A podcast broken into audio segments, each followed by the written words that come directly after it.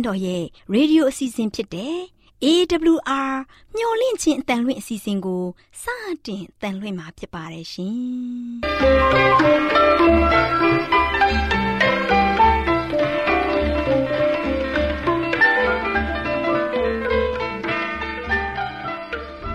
တော်တာရှင်များခင်ဗျာ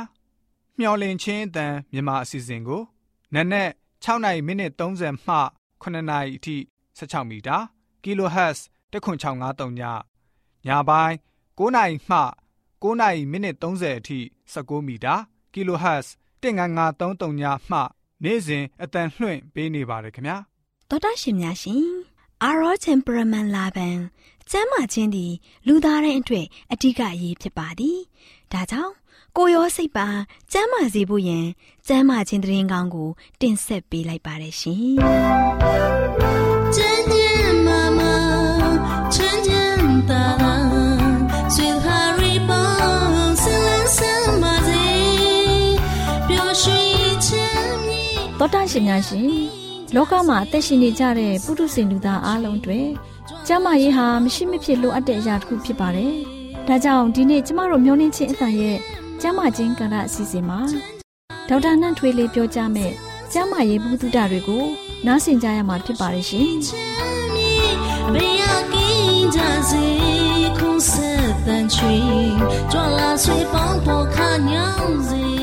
ဒီကနေ့ကျမ်းမာရေးကဏ္ဍမှာတော့အိမ်သုံးစားကိုအသုံးပြုပြီးဘလို့ကုထုံသုံးနိုင်တယ်လဲဆိုတာကိုတင်ဆက်ချင်ပါတယ်။စားကုထုံဆိုတာကတော့ဆိုထိုင်းနေတဲ့စားနဲ့ခန္ဓာကိုယ်တစ်ခုလုံးကိုပုတ်တိုက်ခြင်းအပြင်ခန္ဓာကိုယ်ရဲ့အရေးပြားကိုလှုံ့ဆော်မှုရအောင်လုပ်ပေးခြင်းပဲဖြစ်ပါတယ်။စားကုထုံပြုလုပ်ရခြင်းရဲ့ရည်ရွယ်ချက်နဲ့အကျိုးသက်ရောက်မှုကိုပြောပြချင်ပါတယ်။ သွေးကြောများကျယ်စေအောင်သွေးလွှတ်ကြောနှရံကြွက်သားများရော့ကျခြင်းများဖြစ်စေပါတယ်။နောက်တစ်ခုကတော့သွေးလည်ပတ်မှုကိုလှုံ့ဆော်ပေးတယ်။နောက်တစ်ချက်ကတော့အာယုံကြောတွေကိုလှုံ့ဆော်ပေးပြီးတော့အာယုံကြောခံစားမှုများကိုအားကောင်းစေပါတယ်။နောက်တစ်ခုကတော့အရေပြားဟောင်းများကိုဖယ်ရှားပစ်ပေးပါတယ်။ဘလို့ပုံကိုမျိုးဟာစားကုထုံနီးနဲ့အကျိုးသက်ရောက်မှုရှိနိုင်တယ်လဲဆိုတော့အပူအေးခံစားမှုတိတ်မရှိသောသူများအတွက်နာတာရှည်အစာမကြေခြင်းဖြစ်တဲ့သူများအတွက် စီးကြိုယောဂါသည်များအတွက်သွေးလက်ပတ်မှုနှေးကွေးတဲ့သူတွေအတွက်မကြာခဏအေးမိတဲ့သူတွေအတွက်သွေးပေါင်ချိန်ကျတဲ့သူတွေအတွက်နဲ့အားနေပြီးခံနိုင်ရည်စွမ်းအားမရှိတဲ့သူများအတွက်စားကုထုံးကိုအသုံးပြုနိုင်ပါတယ်။စားကုထုံးကိုအသုံးမပြုနိုင်တဲ့ပုံကိုများကတော့အရေပြားယောဂနဲ့အရေပြားမှာအနာဖြစ်နေတဲ့သူတွေကမသုံးမပြုတ်သင့်ပါဘူးစားကုထုံးကိုလည်းမကြာခဏအသုံးမပြုတ်သင့်ပါဘူးစားကုထုံးပြုလုပ်နိုင်မှုအတွက်လိုအပ်တဲ့ပစ္စည်းတွေကတော့ 1ကီလိုဒါမှမဟုတ်2ကီလိုဂရမ်ရှိတဲ့စားထည့်ထားတဲ့ဇလုံးလူနာထိုင်မှုအတွက်ခွေးချေအခင်းခင်းမှုအတွက်မျက်နှာတုပ်ပွားဒါမှမဟုတ်အခင်းခြေတော့ရင်နွေးစိမ်မှုအတွက်ဆွဲပုံရေချိုးဖို့တင့်တော်တဲ့နေရာတစ်ခုပဲလိုအပ်ပါတယ်စားကုထုံကုသပုံကတော့စားကိုစွတ်စွတ်သွားယုံလောက်လုံလောက်တဲ့ရေကိုထည့်ပေးပါ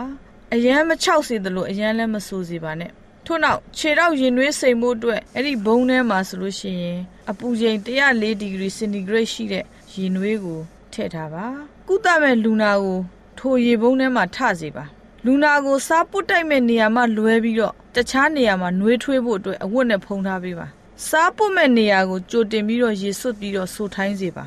စားပုတ်တိုက်ပေးတဲ့အခါမှာ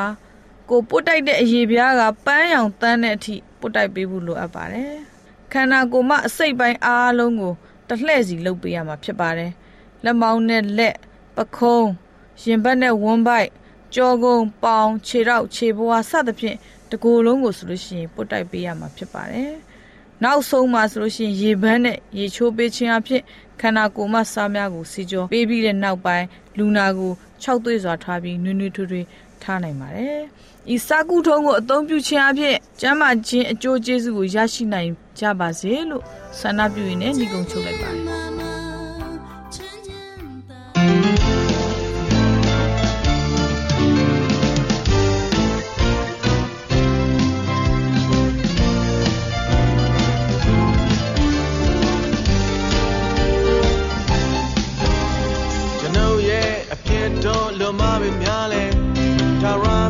ကျွန်တော်အားချင်နေအောင်မယ်ကြည်ပါပင်တို့ရဲ့အပြစ်တော်လွန်မာပင်များလဲသာရဖျားတင်တို့အားချင်နေအောင်မယ်ကြည်ပါ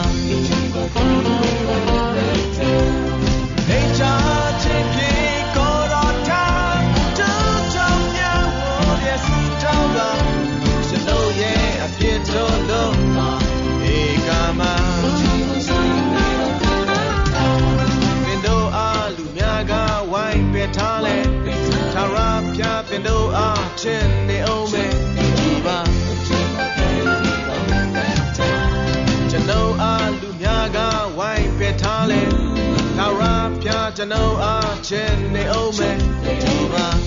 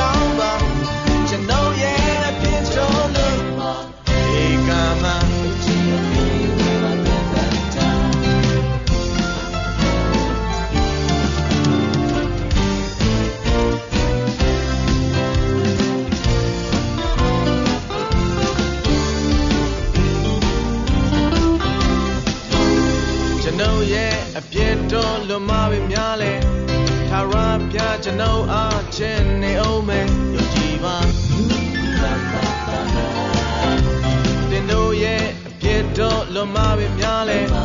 ထာဝရပြတင်တို့အားချင်းနေအောင်မယ်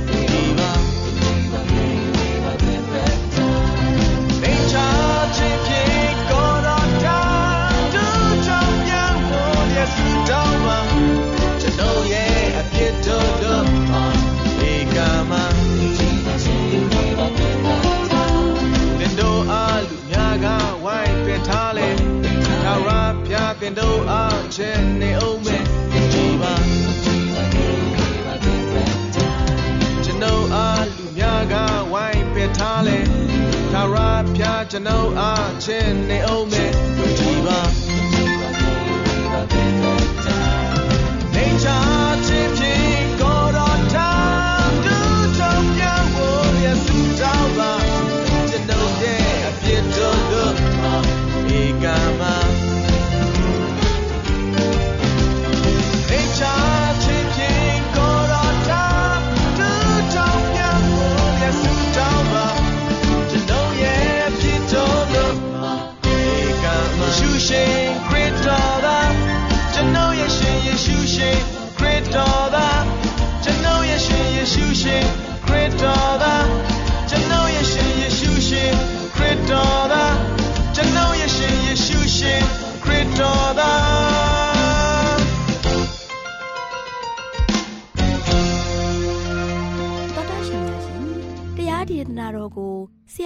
ရာဦးတင်မောင်ဆန်းမှဟောကြားဝင်ငါပေးมาဖြစ်ပါတယ်ရှင်။နာတော်တာစီရင်ခွန်အားယူကြပါစို့ချစ်တော်တော်ချစ်ဓမ္မမိတ်ဆွေများကိုမင်္ဂလာပါလို့ရှိစွာနှုတ်ဆက်ကြပါတယ်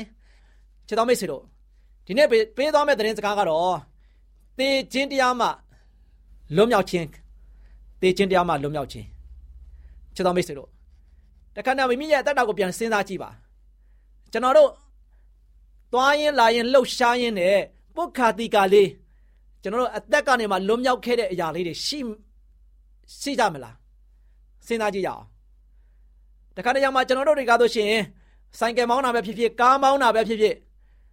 ကျွန်တော်သွားရင်လာရင်နဲ့အဆီဒင်ဖြစ်တဲ့ခါမှာဖခင်ကတည်ခြင်းတရားကနေမှကျွန်တော်တို့ကိုပုခါတိကလေးကဲတင်ခဲ့တဲ့အရာကိုကျွန်တော်တို့ပြန်လည်ပြီးတော့စဉ်းစားရင်းနဲ့ကျွန်တော်တို့ရဲ့အသက်တာကိုဒီနေ့သတင်းစကားပေါ်မှာ ကျွန်တော်တို့စင်ကြင်ပြီးတော့အသက်ရှင်ကြရအောင်ဒါချက်တော်မိတ်ဆွေတို့ဒီနေ့အထူးရွေးချယ်ထားတဲ့အကြံချက်ကတော့ဘယ်မှာတွေ့နိုင်လဲဆိုတော့စာနံကြခန်းကြီး60အငယ်96စာနံကြခန်းကြီး60ငယ်96မှာလူသည်မြတ်ပင်ကဲ့သို့နာနဲ့ချိန်၌တိုးပွားပါ၏နာနဲ့ချိန်၌ကပွင့်လန်း၍တိုးပွားပါ၏ညအချိန်၌ကရိပ်၍ညှိုးနွမ်းပါ၏လူရဲ့အသက်တစ်ချောင်းကဘလောက်တောင်မှ အရေးကြီးတယ်လေနော်ဆာလန်ဆရာကဆိုရှင်ကျွန်တော်တို့ကိုဒီကြမ်းချက်လေးနဲ့ရွတ်ဆိုခဲ့တာဖြစ်ပါတယ်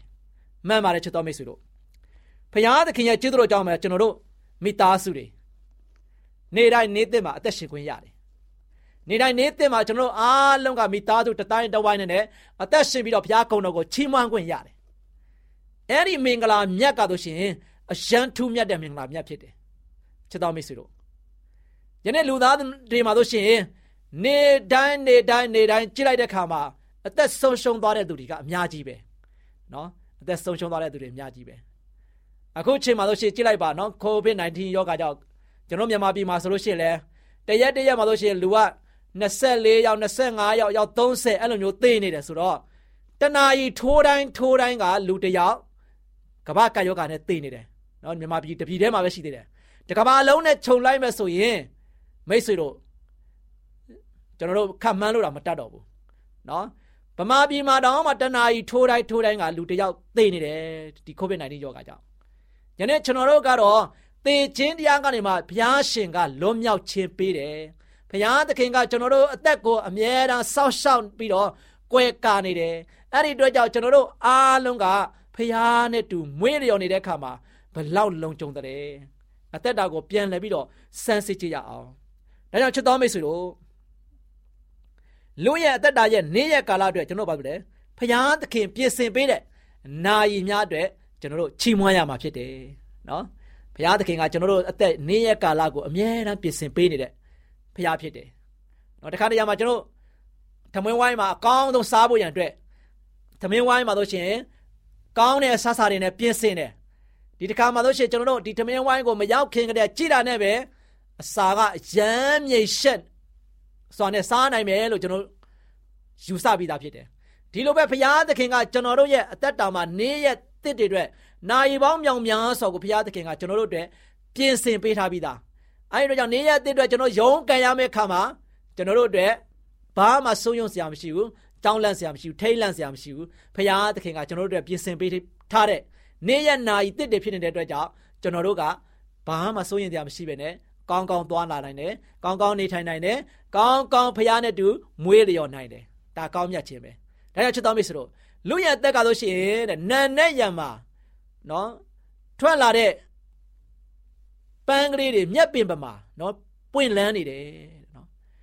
မြက်ပင်လေးတာဆိုရှင်နန်နဲ့ယံမှာကြည့်လိုက်တဲ့အခါမှာစိမ့်လက်ဆိုပြေးပြီးတော့နော်ပွင့်လန်းပြီးတော့တကယ်ပဲကြည့်လိုက်တဲ့အခါမှာဆိုရှင်မျက်စိပရာဏမှာဆိုရှင်အရန်တင့်တယ်တာကိုတွေ့ရတယ် နော်ဒါမြင်မကဘဲနဲ့ညအချိန်မှာရောက်လာတဲ့ခါမှာဆိုရှင်ဘာဖြစ်သွားလဲရိတ်ပြီးတော့ညှိုးနွမ်းသောမြက်ပင်များနဲ့အလားတန်တူတဲ့ကျွန်တော်တို့လူဘဝရဲ့အသက်တာမှာဆိုရှင်အခုကဲ့သို့နေရတဲ့ကာလအားကြောင့်ရှင်ရသောချိန်ကာလအတွက်ကျွန်တော်ဘုရားသခင်ကိုကျေးဇူးတရားမှာဖြစ်တယ်။ဒါကြောင့်ဘုရားသခင်ရဲ့ဂုဏ်တော်နာမတော်ကိုချီးမွမ်းပါ။သင်အသက်တစ်ချောင်းအတွက်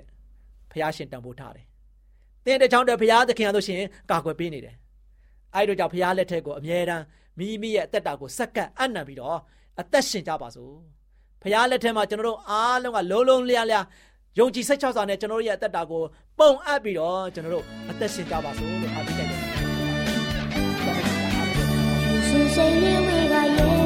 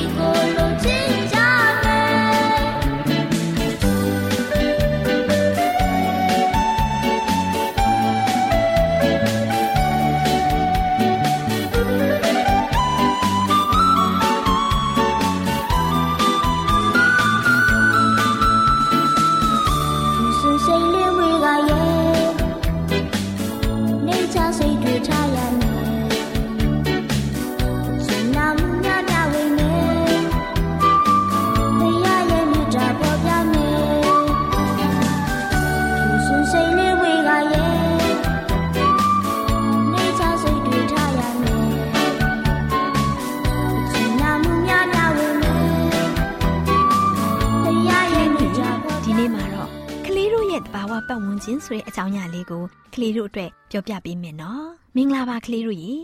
တဘာဝပတ်ဝန်းကျင်ဆိုတာကိုကလေးတို့သိပါသလားကလေးတို့နေထိုင်တဲ့ကဘာမြေကြီးရဲ့ပတ်ဝန်းကျင်ရှိတဲ့မြေတူရေတူရှူရှိုက်နေရတဲ့လေကလေးတို့မြင်တွေ့နေရတဲ့ကောင်းကင်ပြားကြီးမြက်ပင်လေးတွေရေကြီးရေမော်ပင်စတဲ့အပင်ငယ်လေးတွေကစားလို့တစ်ပင်တစ်တော်ကြီးတွေကကလေးတို့ရဲ့တဘာဝပတ်ဝန်းကျင်ပဲပေါ့မျက်စိနဲ့မမြင်ရတဲ့ဘက်တီးရီးယားပိုးမွှားတွေ တကြွကြွအော်မြင်နေတဲ့ငှက်ကလေးတွေပန်းပွင့်လေးတွေပေါ်ဟိုမာတီမာပြန်ဝဲနေတဲ့ပြားပဒုံလိပ်ပြတွေတဲ့အပါအဝင်သမင်းကြားစင်စတဲ့အကောင်ကြီးတွေကလည်းကလေးတို့ရဲ့ပတ်ဝန်းကျင်မှာရှိတဲ့တဘာဝပတ်ဝန်းကျင်ပဲဖြစ်တယ်။ကဲ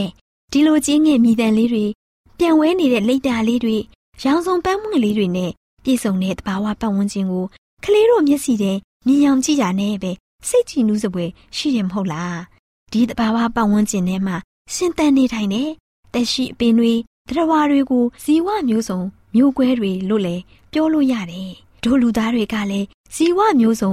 မျိုးကွဲထဲမှာပါဝင်နေဆိုတာလဲသတိထားရမယ်နော်အဲ့ဒီဇီဝမျိုးစုံမျိုးကွဲတွေတစ်ခုနဲ့တစ်ခုအပြန်အလှန်မိခိုနေထိုင်ကြတာကိုတဘာဝပတ်ဝန်းကျင်ဂေဟာစနစ်လို့ခေါ်တယ်ဥပမာအနေနဲ့ပြောရရင်ဒီကမ္ဘာမြေကြီးပေါ်မှာ သက်ရှိတွေရှင်သန်နေထိုင်မှုအတွက်အစာနဲ့ရေကအဓိကဖြစ်တယ်။တစ်ပင်ပန်းမှန်တွေကလည်းသက်ရှိတွေဖြစ်တဲ့အတွက်သူတို့အတွက်အစာနဲ့ရေလိုအပ်တယ်။ပင်တွေကသူတို့ရဲ့အစာကိုမြေစီလွှာကရရှိတယ်။သူတို့ရဲ့အောက်ခြေမှာရှိတဲ့ရေတောက်မြစ်တွေကနေရေကိုစုပ်ယူတယ်။ဒီနောက်မှာတော့အပင်တွေကအောက်ဆီဂျင်ကို ထုတ်လွှတ်ပေးတယ်။ဒို့လူသားတွေ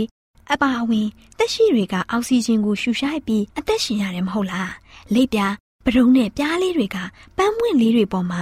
ပန်းဝူရည်တွေစားသုံးရင်ပန်းဝတ်လေးတွေကသူတို့ရဲ့ခြေထောက်လေးတွေမှာကပ်ပါသွားပြီးတပြင်းနဲ့တပြင်းဝတ်မုံကူးခြင်းဖြင့်အပင်တွေမျိုးပွားမှုအတွက်အထောက်အကူဖြစ်စေတယ်။တခါသမင်းတရေစားတဲ့အရွက်စားတရဝါလေးတွေကအရွက်တွေကိုစားတယ်။ကြားချင်းတဲ့ကြက်တဲ့စားတဲ့အသားစားတရဝါတွေကတော့သမင်လေးတွေတရေလွေးတွေကိုစားတယ်။အဲ့လိုတစ်ခုနဲ့တစ်ခုအပြန်လန်စားသုံးကြတာကို အစာကွင်းဆက်လို့လည်းခေါ်တယ်။ကလေးတို့အပါဝင် လူသားတွေကအသက်ရှင်နေထိုင်ဖို့အတွက်အစာနဲ့ရေ၊ဆေးဝါး၊နေစရာအိမ်ဒါတွေလိုအပ်ပါတယ်။ဒါတွေရရှိဖို့အတွက်ပတ်ဝန်းကျင်မှာရှိတဲ့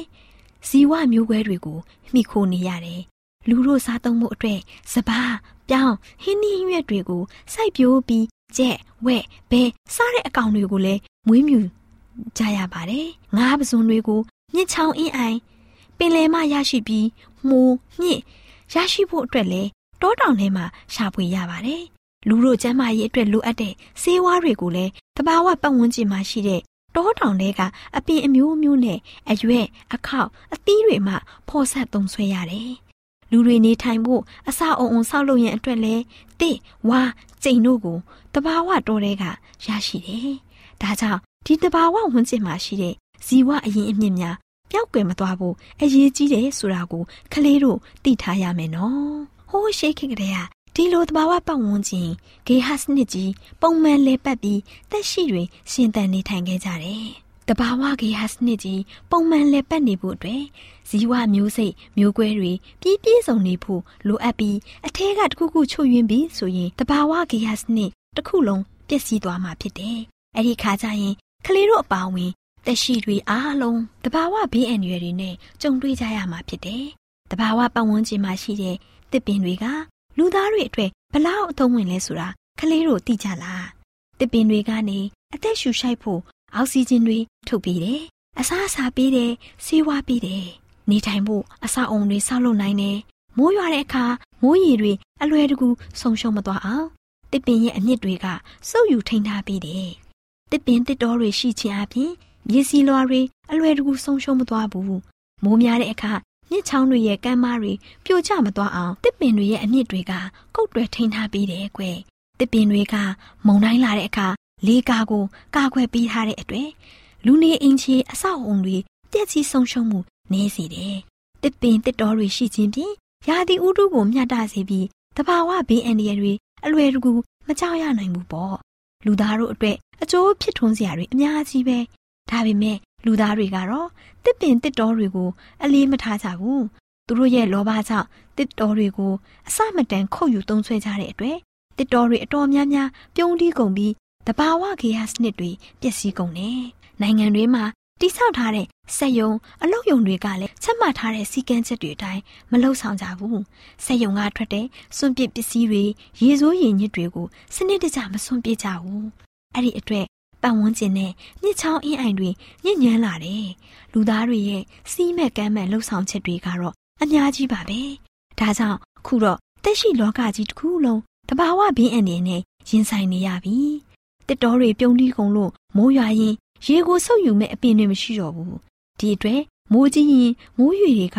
မြို့ရွာတွေတဲကိုဝင်ရောက်ပြီးအိမ်တွေရေမြုပ်ကုန်တယ်။မြစ်ချောင်းကမ်းမတွေရေတိုက်စားပြီး ကမ်းမပြိုကြတယ်။နိုင်ငံရဲ့နေရာအတော်တော်များများဒီဒုက္ခတွေကိုရင်ဆိုင်နေရတယ်။ဒါတွေမကသေးဘူး။နှွေခါရောက်ရင်လဲရာသီဥတုတွေပူပြင်းခြောက်သွေ့လာတဲ့အတွက်ရေရင်းရေကန်တွေခန်းချောက်ပြီးရေရှားပါမှုတံကိုခံကြရအောင်မယ်။ရာသီဥတုတွေဖောက်ပြန်ပူပြင်းလာတဲ့အချိန်ခါမဟုတ် မုန်တိုင်းတွေကြမယ်ငလင်တွေလုံမယ်အခုကိုပဲဒီအန်ဒီရတွေနဲ့ကြုံတွေ့နေရပြီ။ဒါတွေရဲ့အဓိကအကြောင်းရင်းတွေကတော့လူသားတွေကြောင့်တဘာဝပတ်ဝန်းကျင်ကြီးရစနစ် ပျက်စီးသွားလို့ပဲဖြစ်တယ်။ဒါတွေကိုမပြုတ်ပြင်ပဲဒီတိုင်းပဲထားလိုက်မယ်ဆိုရင်နောက်နှစ်အနည်းငယ်ကြာတဲ့အခါကဘာမြေကြီးတစ်ခုလုံးပျက်စီးသွားမှာဖြစ်တယ်။ဒါကြောင့်ဒီတဘာဝပတ်ဝန်းကျင်ကြီးရစနစ်ပြန်လဲ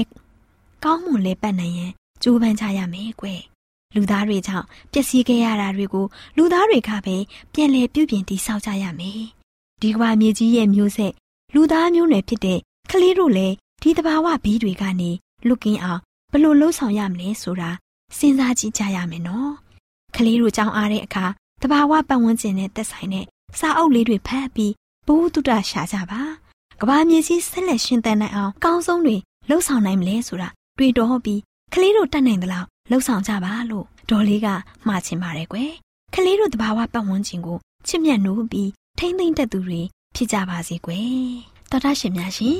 ဒီအစီအစဉ်လေးကိုတော့အောင်ပင်လဲ လူမှုဝန်ကျင်မဂ္ဂဇင်းအတွဲကိုအမှတ်55မှာဆ iam မကြီးညူရင်ဆောင်ရေးသားထားတဲ့အကြောင်းအရာကို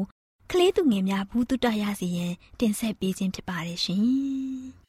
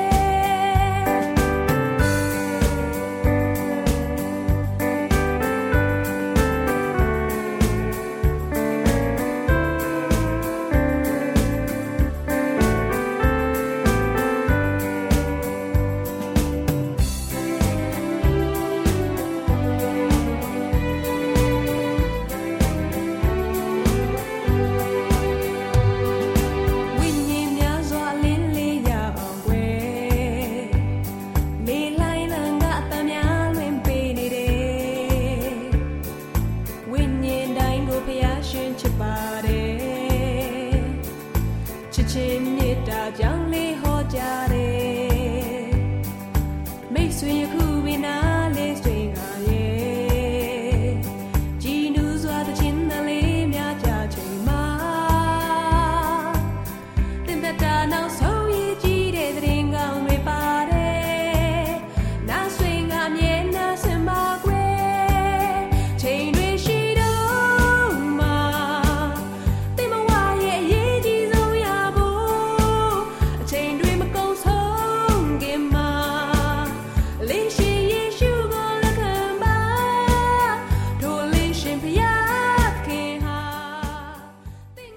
တော်တာရှင်များရှင်ကျမတို့ရဲ့ဗျာဒိတ်တော်စာပေးစာယူသင်တန်းဌာနမှာ အောက်ပါသင်တန်းများကိုပို့ချပေးလျက်ရှိပါတယ်ရှင်သင်တန်းများမှာစိတ်ဓာတ်ဒုက္ခရှာဖွေခြင်းခရစ်တော်၏အသက်တာနှင့်တုန်သင်ချက်များတဘာဝတရားဤဆရာဝန်ရှိပါကျမ်းမာခြင်းနဲ့အသက်ရှိခြင်းသင်နဲ့သင်ကျမ်းမာရေးရှာဖွေတွေ့ရှိခြင်းလမ်းညွန်သင်ခန်းစာများဖြစ်ပါရဲ့ရှင်သင်တန်းအလုံးဟာ အခမဲ့သင်တန်းတွေဖြစ်ပါတယ်ဖြစ်ဆိုပြီးတဲ့သူတိုင်းကို ဂုံပြုလွှာချီးမြှင့်ပေးမှာဖြစ်ပါတယ်ရှင်တော်တာရှင်များခင်ဗျာဓာတိတော်အတန်းစာပေးစာယူဌာနကိုဆက်သွယ်ခြင်းနဲ့ဆိုရင်တော့ဆက်သွယ်ရမယ့်ဖုန်းနံပါတ်ကတော့39 656 296 336နဲ့39 98 316 694ကိုဆက်သွယ်နိုင်ပါတယ်ဓာတိတော်အတန်းစာပေးစာယူဌာနကိုအီးမေးလ်နဲ့ဆက်သွယ်ခြင်းနဲ့ဆိုရင်တော့ l a l r a w n g b a w l a @gmail.com ကိုဆက်သွင်းနိုင်ပါတယ်။ဗျာဒိတ်တော်အတန်းစာပေးစာဥထာဏာကို Facebook နဲ့ဆက်သွယ်ခြင်းနဲ့ဆိုရင်တော့ SOESANDAR Facebook အကောင့်မှာဆက်သွင်းနိုင်ပါတယ် AWR မျော်လင့်ခြင်းအတန်ကိုအားပေးနေတယ်တော်တာရှင်များရှင် မျော်လင့်ခြင်းအတန်မှာအကြောင်းအရာတွေကိုပုံမသိရှိပြီးဖုန်းနဲ့ဆက်သွယ်လိုပါက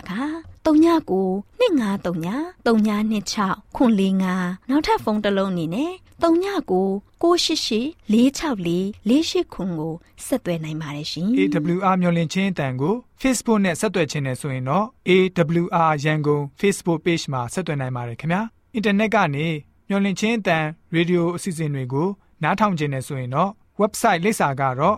www.awr.org